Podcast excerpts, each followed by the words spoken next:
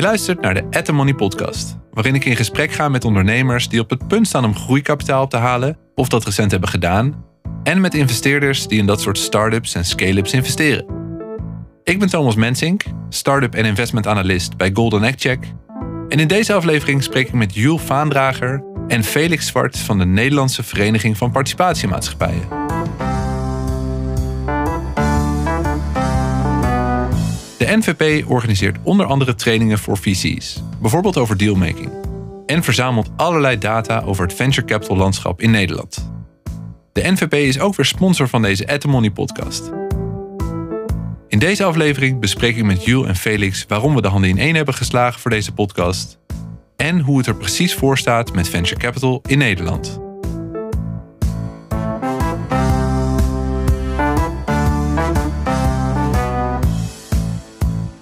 Ik ben uh, Jules Vaandrager en ik werk als Director Venture Capital bij de NVP. Ik ben uh, Felix Zwart. Ik werk als Director Research en Policy ook bij de NVP. Ja, leuk om jullie hier allebei uh, in de aflevering van At the Money te hebben. Hè? We werken samen met de NVP, daar ben ik super blij mee. Ik, ik was even benieuwd, wat, wat is eigenlijk jullie gedachte achter het ondersteunen van deze podcast? Ja, dank voor deze vraag, uh, Thomas. Nou, we leven denk ik in een, uh, een hele gekke tijd. Er gebeurt ongelooflijk veel. Ook een tijd met hele grote uitdagingen. Uh, op het gebied van klimaat, op het gebied van gezondheid, maar ook op het gebied van veiligheid. En steeds duidelijker wordt dat innovaties en innovatieve bedrijven uh, daar een oplossing voor kunnen zijn. En daarmee komen ook de investeerders in dat soort bedrijven in beeld. Er komt steeds meer aandacht voor uh, in kranten, uh, in de politiek, maar ook bij ondernemers en bij beleggers. Ja. En we steunen deze podcast omdat we het heel belangrijk vinden om de mensen die achter deze fondsen zitten een stem te geven en een gezicht. Mm -hmm. um, en ze zo eigenlijk anderen te laten inspireren. En ja. aan anderen, dat zijn bijvoorbeeld de pensioenfondsen die op dit moment bijzonder weinig investeren in de Nederlandse visiefondsen. Ja, valt nog een hoop te winnen daar natuurlijk. Absoluut, ja. Ja, dus eigenlijk zouden zij ook moeten luisteren naar deze podcast natuurlijk. Ik hoop het, ja. Top. En Felix, hoe zie jij dat dan? Want, want we hebben het over de belangrijke uitdaging van deze tijd en de rol die venture capital daarin kan spelen om daar misschien ook oplossingen voor te bieden. Indirect misschien wel via die bedrijven natuurlijk waar ze in investeren. Zie, zie jij dat ook zo? Absoluut. Ik denk dat we voor een aantal uh, grote technologische veranderingen staan. Ook uh, hoe we omgaan met, nou in de landbouw bijvoorbeeld, of maar ook uh, allerlei andere technieken toepassen. En je ziet dat daar venture capital en de innovaties die ze steunen via hun investeringen enorm belangrijk voor zijn. en dat gaat alleen maar toenemen, denk ik. Ik had, ik had van mijzelf een keer een filmpje gezien, die hadden jullie denk ik gemaakt, ook op LinkedIn is over verspreid, over alle merken die wij als consumenten kennen waar een VC achter zit of een private equity bedrijf achter zit. Dus om het uh, wat, wat, wat zichtbaarder ook te maken wat er eigenlijk al gebeurt, uh, juist doordat die innovaties worden gesupport vanuit, vanuit die fondsen, toch? Absoluut. Zonder dat je het weet, uh, spelen private equity en venture capital investeerders al een hele grote rol in ons dagelijks leven. En dat filmpje helpt ook om, om dat duidelijk te maken. Ja, echt de, door de hele dag heen. Dus voor mij uh, ik zag uh, een Van Mo fiets of zo. Ik weet even niet meer ja. precies wat, maar allemaal uh, producten die je eet, de, de apps of zo die je gebruikt om weet ik veel, de hele dag te plannen en zo. Dat kwam allemaal wel mooi, mooi samen. Absoluut. En ook een apotheek zie je dan voorbij komen. En allerlei medicijnen die daar tevoorschijn uitkomen. Die zijn ook vaak gesteund door Venture Capital. Ja, ja. alleen wat niet gesteund. Ja, ik, ik fiets er op mijn oude fiets van achter. Ja, ja, want jij was acteur in Felix, ja. Felix en Ilse waren de twee acteurs in het filmpje. maar jij heet anders, zag ik. Ja, ja. Je wordt geappt van, hé, hey, uh, Piet uh, of zo. Inderdaad, even onherkenbaar in beeld. Uh, ja. ja. Je kunt altijd nog een acteercarrière tegemoet als ik het zo zag. Inderdaad. Even over jullie gesproken, want we hebben het, nou, jullie moeten ook maar even de NVP straks wat verder toelichten hoor. Maar wat zijn jullie achtergronden? Hoe zijn jullie in, in dit domein van venture capital terechtgekomen überhaupt? Jules, mag ik met jou beginnen dan? Uh, Jazeker. Um, nou, ik werk uh, sinds een jaar voor de NVP. En hoe ben ik daar terecht gekomen? Ja, hiervoor heb ik uh, in verschillende rollen gezeten. Ik heb, ben begonnen eigenlijk bij ABN AMRO Participaties in het investeringsvak. En dat heb ik eigenlijk ook gedaan voor Rabo. voor Rabo Private Equity. Hmm. En daarnaast ondernemers geadviseerd. Dus eigenlijk altijd wel bezig geweest met de praktijk van het investeren. En ik vind het echt heel leuk om nu op een eh, andere manier betrokken te zijn. eh, ook in een andere fase. Hè, bij het investeren in de vroegfase. En eh, daar komt ongelooflijk veel bij kijken. En heel leuk om daarover mee te denken en aan mee te bouwen. En op dit moment werk ik dus bij de NVP als Director Venture Capital. En dat wil zeggen dat ik me vooral bezighoud met eh, onze VC-leden. Mhm. Maar ook met eh, het hele ecosysteem in de vroege fase. En dat laatste vind ik ook heel interessant. Ja, ja. Ehm, en ik zit nog in twee investeringscommissies en in de seedcommissie van RVO. Oh ja, ja. En dat is wel heel fijn, want zo weet ik goed wat er in de markt eh, gebeurt. En dat is weer belangrijk voor het werk bij de NVP. Checken, want NVP had altijd wel een beetje een imago van meer de private equity, hè, de, de wat grotere bedrijven of een grotere fondsen en zo. En klopt het dan dat venture capital een beetje de, de groeipoot is van de NVP? Als je kijkt naar leden bijvoorbeeld? Het is eh, zo dat eh, we steeds meer VC-leden krijgen, inderdaad. Maar het is wel een groeiend aantal. En het is natuurlijk ook een markt, Felix komt er vast nog op terug, die enorm in beweging is, waar ook heel veel fondsen bij komen. Ja, Dus ook heel erg leuk om die eh, ook onderdeel eh, te laten zijn van de NVP. ja want, want dat is natuurlijk geëxplodeerd de afgelopen jaren. Merk je dat dan ook in het ledenaantal? eh? Absoluut. We zien eh, sowieso dat er veel meer VC's, Nederlandse VC's, eh, bestaan. Op de, ook, zich laten zien. Maar ook eh, dat er steeds meer lid worden bij ons. Eh, we hebben ze altijd wel gehad hoor. Eh, de, de bekende namen die eh, hebben we altijd eh, als, als, als, lid, als lid gehad. Ehm, maar ja, ik zie een duidelijke ontwikkeling van grotere fondsen. ehm, ook meer behoefte aan allerlei diensten die eh, de NVP levert. Bijvoorbeeld eh, aan opleidingen. Mhm. Ook voor allerlei nou, de minder sexy, de, eh, voor de hand liggende onderdelen in een fondsbestuur. Van wat voor eisen stelt de AFM aan je en hoe kun je daaraan voldoen? Ja, Eh, nou, daar helpen we fondsmanagers ook mee. Ja. En, en, en trainingen, want ik weet dat eh Sjoerd Mol, waar ik natuurlijk dat boek mee heb geschreven, Ja. eh, die geeft ook trainingen over dealmaking en dat soort Ja. dingen. Dat, dat bedoel je dan toch? Dat bedoelen we ook. Ja. Eh, dus een introductiecursus Venture Capital Essentials. Een soort ja, cornerstone cursus voor st- startende investeringsmanagers. Mhm. Maar ook ehm, ja, allerlei compliance functies voor venture capital managers. Eh, hoe, hoe voldoe ik aan al die eh, anti-money laundering wetgeving die eh, de AFM verwacht dat ik dat uitvoer? Ja. Dat is ook niet eh, mals. Nee, precies. het is toch prettig als iemand al een keer heeft uitgezocht en weet hoe het werkt, zodat je daar wat sneller doorheen kan Ja, ja, ja, het zijn Ja. toch kleine organisaties allemaal. Precies, ja, veel fondsen zijn inderdaad heel, heel klein, kleine teams. Zo, in ieder geval zo Ja. beginnen ze natuurlijk. Dus, Absoluut.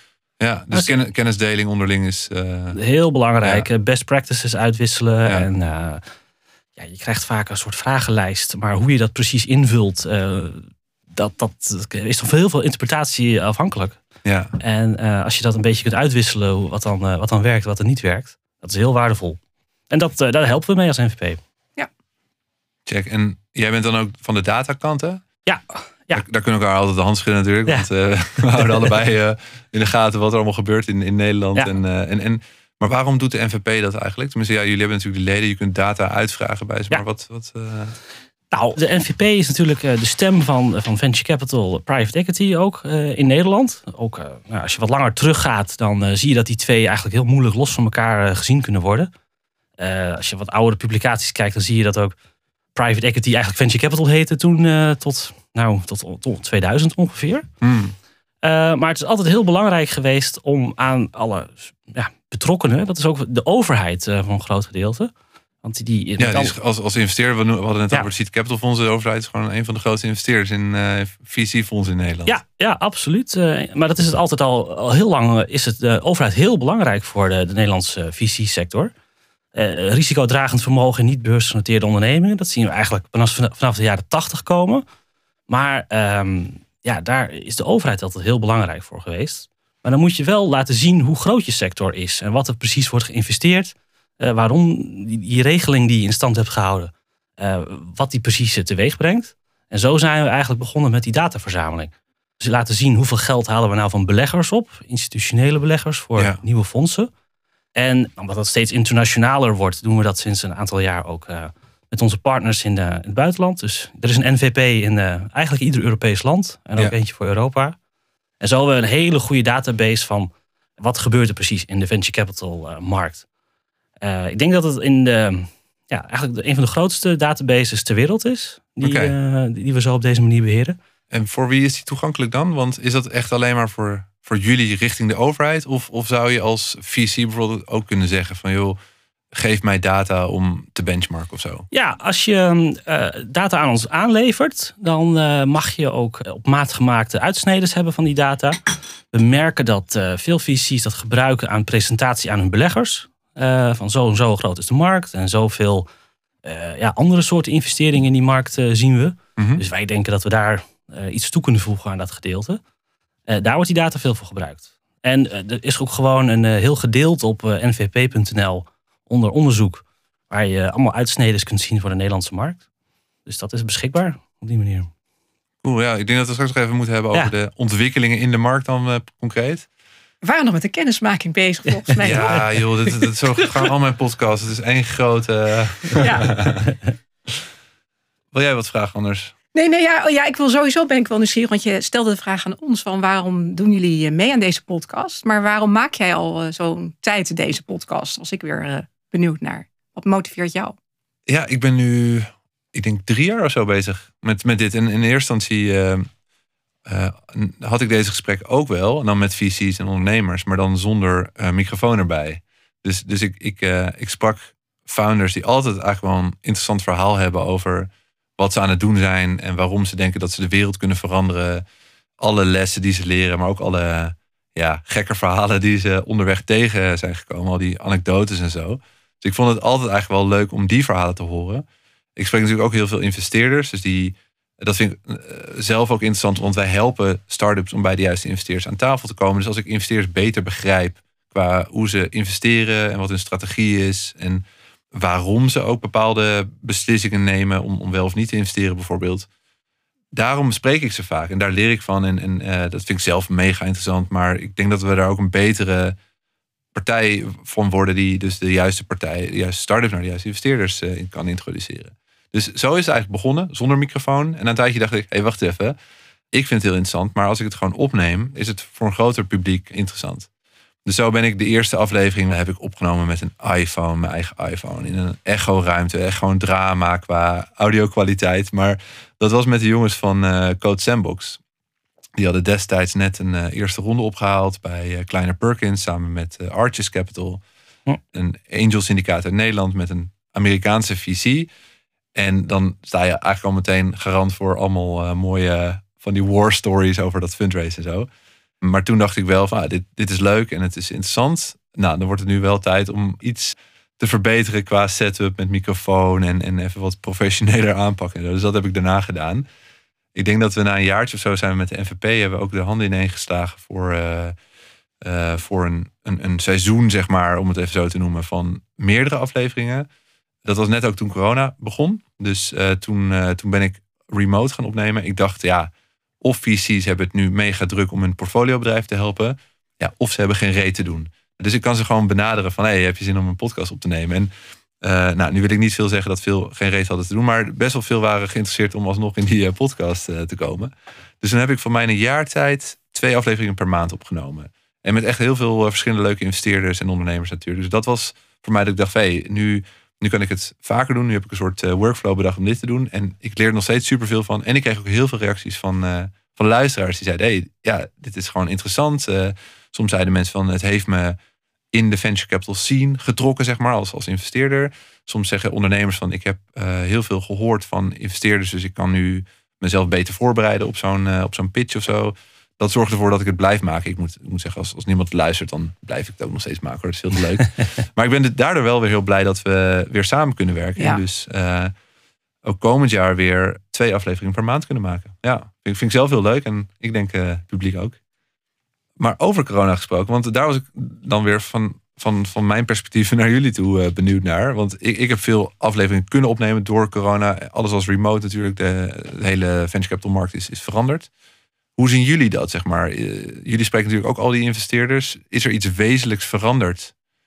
Voor goed of, of slecht hoor. Maar eh, of is alles weer een beetje terug naar normaal? Wat, wat zijn jullie observaties daarin? Nou, ja, kijk, als ik kijk naar de, de impact die corona op ons als NVP heeft gehad, is denk ik dat we in het begin van eh, die, eh, de lockdown heel erg in gesprek zijn geweest met de overheid over allerlei steunmaatregelen. Nou, die hebben denk ik uh, wonderwel hun werk gedaan. Dat is ook heel snel tot stand gekomen. De, bijvoorbeeld de corona-overbruggingsleningen. Ja. En dat daardoor toch wel een groot gedeelte van de venturemarkt ook overeind is gebleven. Maar tegelijkertijd is het ook wel een enorme impuls geweest voor allerlei technologische ontwikkelingen. Eigenlijk dingen die we ook al jaren kunnen, konden, maar die nu ook vanuit de gebruiker een enorme impuls hebben gekregen. Uh, maar, Zoals wat dan? Kan je uh, nou, videobellen, maar remote werken natuurlijk. Maar ja. ook denk ik wel meer besef over bijvoorbeeld hoe we met eten omgaan. Of waar, waar, waar, ziektes eigenlijk vandaan komen, weet ik het. En allerlei andere investeringen die daarvoor nodig zijn om transities te maken, energietransitie. Ja. Dat heeft denk ik de venture capital sector ook wel uh, tegelijkertijd enorm geholpen. Zie jij bijvoorbeeld ook, want je kunt ook zeggen, als je wat makkelijker op afstand kan investeren, dan ben je dus misschien ook minder geneigd om alleen maar in Nederland op zoek te gaan, maar kun je misschien ook binnen jouw uh, vertical, zeg maar, ook de beste deals die daarbij passen in het buitenland opzoeken. Um, ik weet, Seed Capital is natuurlijk wel heel erg gebonden aan Nederland nog steeds. Maar zien jullie ook dat soort dingen? Dat, dat visies verder kijken dan, dan Nederland? Ik denk dat visies al buiten Nederland keken. En dat is alleen maar makkelijker geworden ook. Ja. Um, en ik denk inderdaad dat door het, de verminderde noodzaak tot reisbewegingen. En dat is voor de duurzaamheid natuurlijk hartstikke goed. Maar maakt het ook veel makkelijker. Want iedereen is daarop ingespeeld. Dus het geeft zeker kansen. Um, dus in die zin uh, is het een transparantere uh, markt geworden. En, en de, de, nieuwe fondsen die erbij komen, zie je dan ook dat die wat meer inzoomen op de wat meer de grotere thema's? Misschien ook ingegeven door corona. Van oké, okay, shit, uh, dit heeft globale effecten. En je kent dat, dat, dat plaatje wel van, dan zie je de corona wave. Daar komt daarachter de, uh, recessiewave volgens mij. En daarachter komt dan de klimaatwave. En dat worden steeds grotere golven ja. ellende die ons te wachten staan, zeg maar. Hebben jullie het gevoel dat VC's ook zo denken?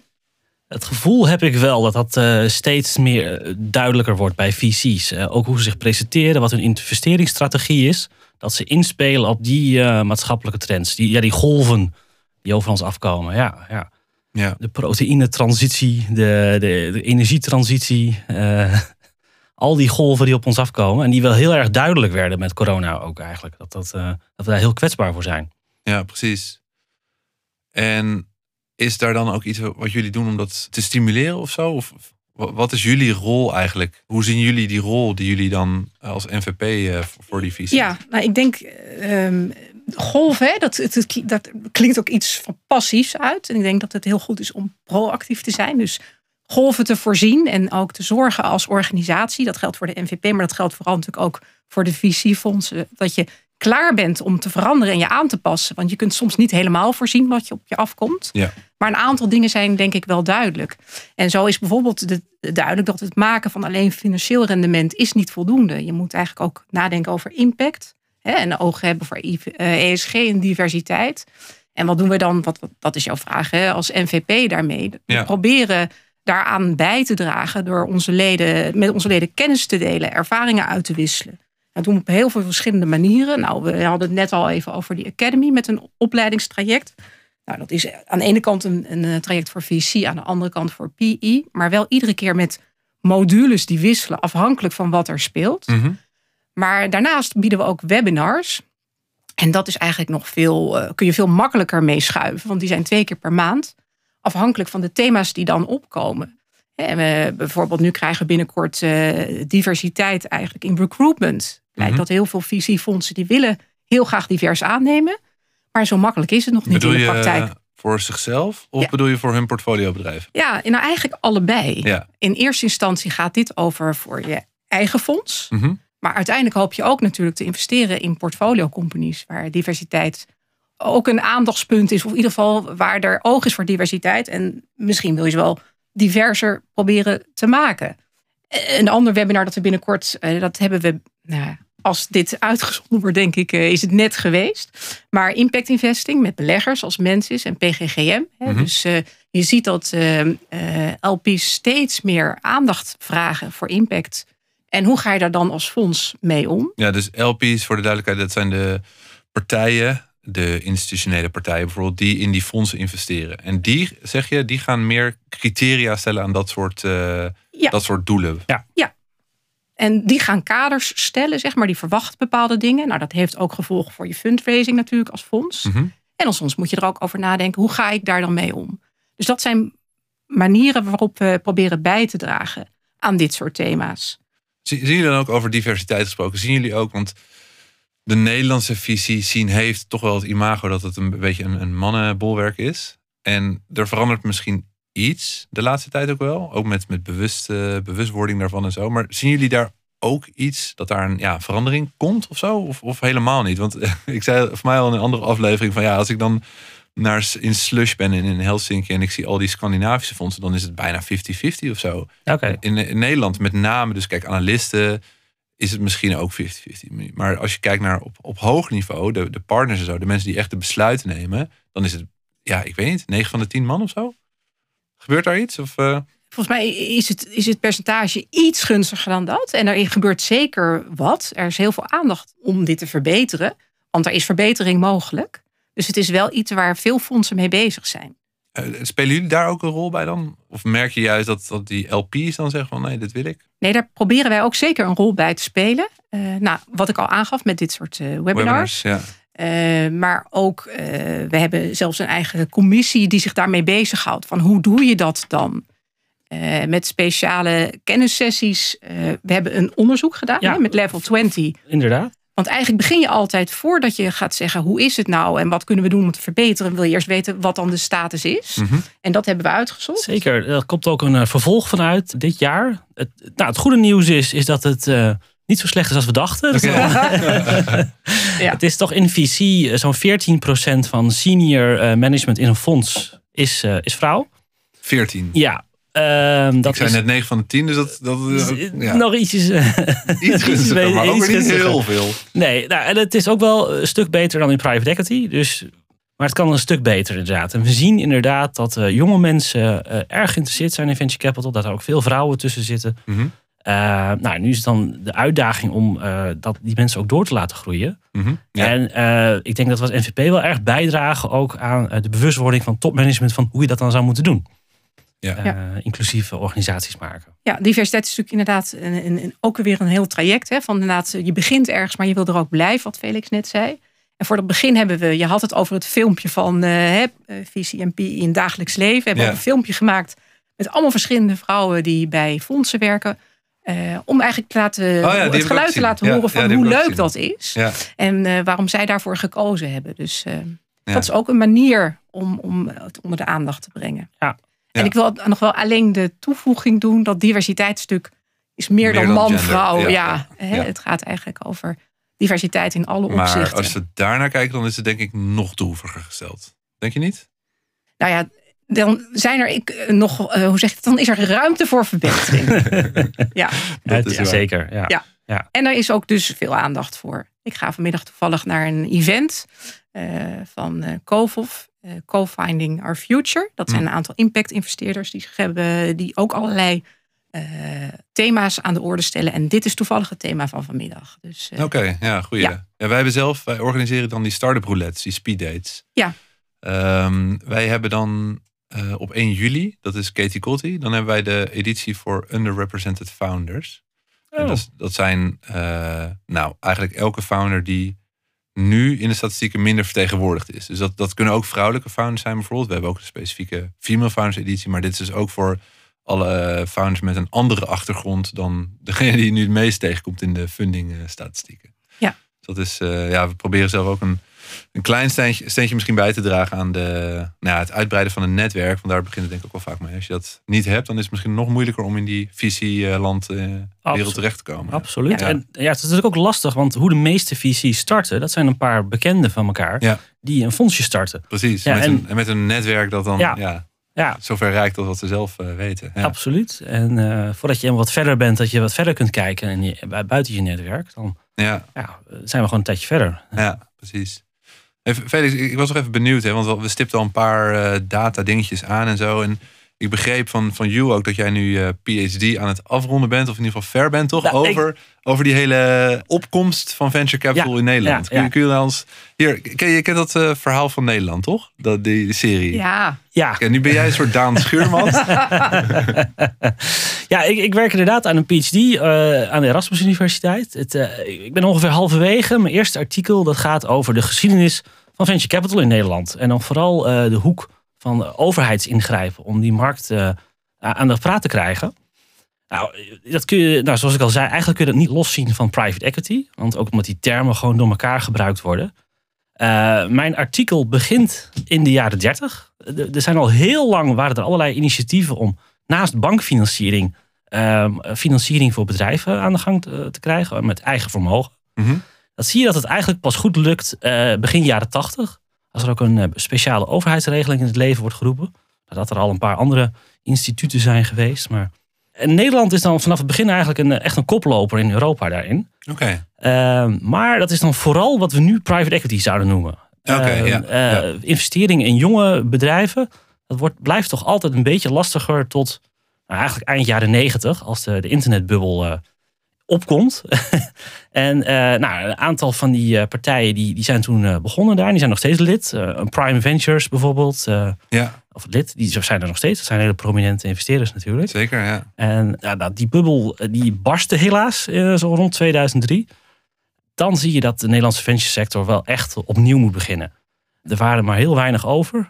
En het aantal investeringen lag ook heel laag. Maar ja, toch met goed overheidsbeleid, denk ik, is toen in die tijd wel gebouwd aan eh, ja, het opbouwen van die sector naar iets heel een dynamische club die het nu is eigenlijk. Eh, Mm. Bijvoorbeeld, eh Jules die zei al, want ze is lid van het investeringscomité van de Seed Capital regeling. Nou, die is in 2005 eh, bedacht, of van start gegaan. Echt bedacht met de sector ook. En met het idee van hoe kunnen we nou het aanwezige kapitaal en de kennis die er nog is, zo effectief mogelijk inzetten en ook vergroten. Ja. En eh, dat is eigenlijk wel heel erg goed gelukt. Eh, Ja, want gelukkig hebben ze niet gezegd van we gaan zelf investeren, maar Ja. we besteden het eigenlijk uit aan de fondsen die daar veel beter in zijn. Ja, ja, ja, dat is echt ook een, eh, eigenlijk iets wat ze geleerd hebben uit eerdere regelingen die wel geprobeerd zijn in de jaren negentig. Die daar gewoon niet zo succesvol in waren. Of toch, nou ja, aldoende leert men ook, weet je. Want men, Ja. er was niet iets wat, waarvoor je van af kon kijken in die tijd. Hmm. Eh, nou, dat doet de, heeft de, de Seed Capital regeling wel heel succesvol gedaan. En ook allerlei programma's van het EIF eh, en ook van de regionale ontwikkelingsmaatschappijen wel. Dat ze co-investeren of beleggen in andere VC-fondsen. Nou, en dan zie je dat eh, in de jaren nul die sector langzaam maar zeker weer een beetje groeit. Maar nog met ja, totale marktbedragen waarvan we nu zeggen, nou, dat is één investering of zoiets. Waar ja, want toen- waar heb je dan ongeveer over? nou ja, toen vonden we een totaal. Wat alle, alle bedrijven in Nederland aan VC-geld in- ontvangen, dat Voor vonden we tientallen 300 miljoen of zo. Oh, ja, dat vonden we dan heel mooi, heel groot. En eh, vooral de laatste paar jaar zien we een enorme groei in wat Nederlandse bedrijven op kunnen halen. Bij zowel Nederlandse als buitenlandse VC's. Eh, en als we dan toch weer even naar die langere termijn gaan kijken. Dan is denk ik afgelopen jaar wel heel bijzonder dat we voor de eerste keer echt significant veel meer geld naar eh, start-ups en eh, scale-ups zien gaan van VC's. Dan dat we in de private equity markt eh, eigenlijk zien. Oké, dus private equity was altijd groter. Ja. En af, afgelopen jaar was het omslagpunt Dat eigenlijk. eigenlijk dat een soort- ja. groter is geworden. Ja, ja, ja, ja, dat is toch heel Blijft dat bijzonder. doorgaan, denk je? Kijk, er zijn altijd van die mega-overnames in de private equity-wereld die af en toe er zijn, waardoor het een beetje uit het lood slaat. Maar ik denk wel dat er structureel in de venture capital-markt gewoon veel geld daar eh, weggezet gaat worden. Dus eh, en geïnvesteerd gaat worden in bedrijven die allerlei transities faciliteren, Ja, die, die gewoon heel urgent zijn. ja want je, je kijkt natuurlijk nu, eigenlijk dit jaar of afgelopen jaar, dan naar de nieuwe fondsen ook die erbij zijn gekomen. Ja. Want dat is natuurlijk een voorspellende waarde Ja. voor hoeveel er weer ge- geïnvesteerd Ja. gaat worden in eh komende jaren. Ja. Wat, wat zie je daar? Nou, daar zien we ook enorme stijgingen eigenlijk. Eh, het, het eerste keer dat een Nederlands Venture Capital Fonds eh, 1 miljard euro heeft opgehaald eh, bij beleggers. Nou, dat is ook echt wel spectaculair. en dat is LSP dan nog? Ja, LSP, ja, een life sciences fonds. Maar hoe is dat? Eh. want dat is ook raar, toch? Dat ze nu met eh EQT daaronder zijn ge- gehangen. Ja, Een soort, soort Ja. overname binnen de VC-markt. ja, Dat ja. heb ik ook niet veel vaker gezien. Op die schaal zeker niet. Op die schaal niet. Nee, ik denk dat het eh, voor hen eh, toch heel prettig is. Omdat ze zich dan kunnen focussen op waar ze goed in zijn. Dat is in investeren in life sciences bedrijven. Mhm. En die achterkant van geld ophalen bij beleggers. Dat doet EQT nou voor ze. Oké, ja. En, en dat ze daardoor eh, een stuk efficiënter kunnen handelen. ja, En dat is dan heel prettig voor ze. Want eh, ja. ja, het raakt eh, ook wel een beetje aan een ander probleem. Wat- er nog wel is in de, in de Nederlandse venture capital sector, is dat er te weinig institutioneel geld naartoe gaat. Grote pensioenfondsen die gewoon grote tickets schrijven van 100 miljoen voor een VC-fonds. Ehm, in plaats van particulieren die, eh, of family offices die allemaal wat kleinere tickets schrijven. Dat eh, sprokkel, eh, ja. Ja, ja, ja. Maar is het, want dat is een kip-ei probleem denk ik. Is het, want Nederlandse fondsen zijn over het algemeen ook niet super groot. Dus, Nou, dus wat- nou, die zijn wel behoorlijk gegroeid de laatste paar jaar. 400 Dat- miljoen is nu norma normaal, een stuk normaler dan eh dat, dat jaar. is waar, maar toch, ik Ja. zie heel veel met ook die seed capital fondsen die onder de 50 miljoen zitten. Ja. Een paar komen boven de 100 miljoen uit. En dan heb je misschien Ja. nog een paar eh, uitschieters. Maar die 100 miljoen fondsen zijn eigenlijk alweer te klein voor institutionele ja, pensioenfondsen bijvoorbeeld. Ja. Toch? Of, of, eh, en het is ook waanzin om dan te zeggen, nou dan doen we maar 400. eh, want dan, dan heb je een hele andere investeringsstrategie. Absoluut, absoluut. Nou, er zijn wel allerlei tussenoplossingen voor te verzinnen. Zoals fund of fund eh, Precies, partijen. ja. En, eh, Ja. maar überhaupt eh, dat er institutionele interesse is om in VC te beleggen, dat, dat, dat kan nog wel wat hoger. Dat is, mensen leven daar echt nog met ideeën van tien jaar geleden soms. Hm. Het is ook heel logisch dat pensioenfondsen investeren voor de, de lange termijn. Maar de VC-sector is gewoon heel volwassen geworden. Mhm. Dan kun je zowel rendement maken, wat soms beter is dan eh, heel veel andere beleggingscategorieën. Ja. Maar je kunt ook een impact maken. Ja, precies. Eh, Dat mag er nog wel wat meer komen bij. ja. Is dat ook wat jij gaat doen nu, Jules? Om, om meer die LP's mee te nemen in het verhaal van VC's? Dus om te zeggen, joh, rendement plus impact gaan hand in hand? Nou ja, dat is natuurlijk wat Felix al aangaf. Eigenlijk ook de conclusie van het rapport dat we samen met TechLeap hebben uitgebracht eind vorig jaar. Ja. Die twee gaan in hand in hand en het is een waanzinnig mooie kans om daaraan bij te dragen. Dus eh, dat moet je nu doen. En dat is iets wat we proberen verder door te zetten. Door dit soort gesprekken aan te gaan, zeker. En eh, het is een beweging die ook, er is een momentum. Dus ik denk dat er en hoop ook dat daar wat gaat veranderen. Ja, ja. Zijn er nog andere dingen waarvan je denkt van, eh, en dat dan tot slot denk ik de laatste vraag, van wat zouden we nou kunnen doen? Jullie vanuit NVP, ehm, wij misschien vanuit Golden Egg Check, ehm, de scene als geheel. Wat kunnen we nou doen om dat hele ecosysteem nog beter te maken?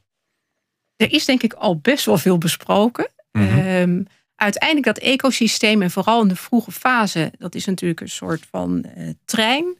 En je wil heel graag dat die trein kan rijden. En dat raakt eigenlijk aan heel veel. Dus dat begint denk ik al heel vroeg met een idee, misschien op een universiteit. En vervolgens wordt dat een idee een bedrijf. En dat bedrijf gaat groeien. En eigenlijk hoop je dat in alle fases van dat bedrijf dat er financiers zijn, dat er kapitaal is. Maar ook dat die partijen elkaar weten te vinden. Ja. En ik denk dat daaraan bijdragen is belangrijk voor het hele ecosysteem. En dat kan op verschillende manieren. Nou, dat, vooral met elkaar, denk ik, is een hele belangrijke. En dat doen we ook in de NVP. Hè. Mensen bij elkaar brengen, kennis delen ehm, en professionaliseren. Mhm. Ehm, maar ook de overheid speelt daar een hele grote rol. En dat haalde Felix al aan. Dat zie je ook een beetje in de historie terug. Ja, Hè, dat eh, door die regelingen zoals een SEED, zoals DVI en zoals DFF, merk je dat er echt gewoon meetbaar heel veel meer kapitaal in de markt is gekomen in die hele vroege fase. Dus daar moeten we vooral mee doorgaan. Ja, ik denk dat een heel concreet voorbeeld is eh, wat de overheid toch beter kan doen. Dat is de aandelenoptieregeling, waar eh, founders eh, opties eh, kunnen uitdelen aan hun werknemers. Ja. Die is al wat verbeterd in het feit dat je niet hoeft af te rekenen over geld wat je nog niet hebt. Tenminste, dat is het voorstel wat er nu ligt. Maar we kunnen dat nog wel een heel stuk beter doen, zoals in de Baltische Staten, door het tarief ook wat aantrekkelijker te maken. Ja. Nou, daar hebben we als NVP toch wel hard op gelobbyd, samen met andere partijen zoals TechLeap. ja. En daar mag wel wat, nog wel wat verbeterd worden. Ik spreek binnenkort de minister van Estland over Ah. eh, ondernemerschap en innovatie. Dus ik Ja. zal de vraag voor hem Nou, meenemen. als hij nou Wopke Hoekstra dat ook even... Ik zal het doorgeven. Ja. Nee, maar dat is uiteindelijk inderdaad, je moet daarnaast ook nog een kader hebben, dat klopt. Ja. En dit zijn van die elementen die daar heel belangrijk bij zijn.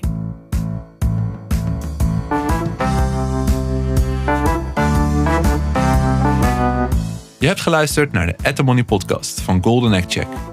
Mede mogelijk gemaakt door de NVP. Ik maak nu elke twee weken een nieuwe aflevering met een ondernemer of investeerder of met allebei. Dus wil je op de hoogte blijven? Abonneer je dan even in je favoriete podcast-app.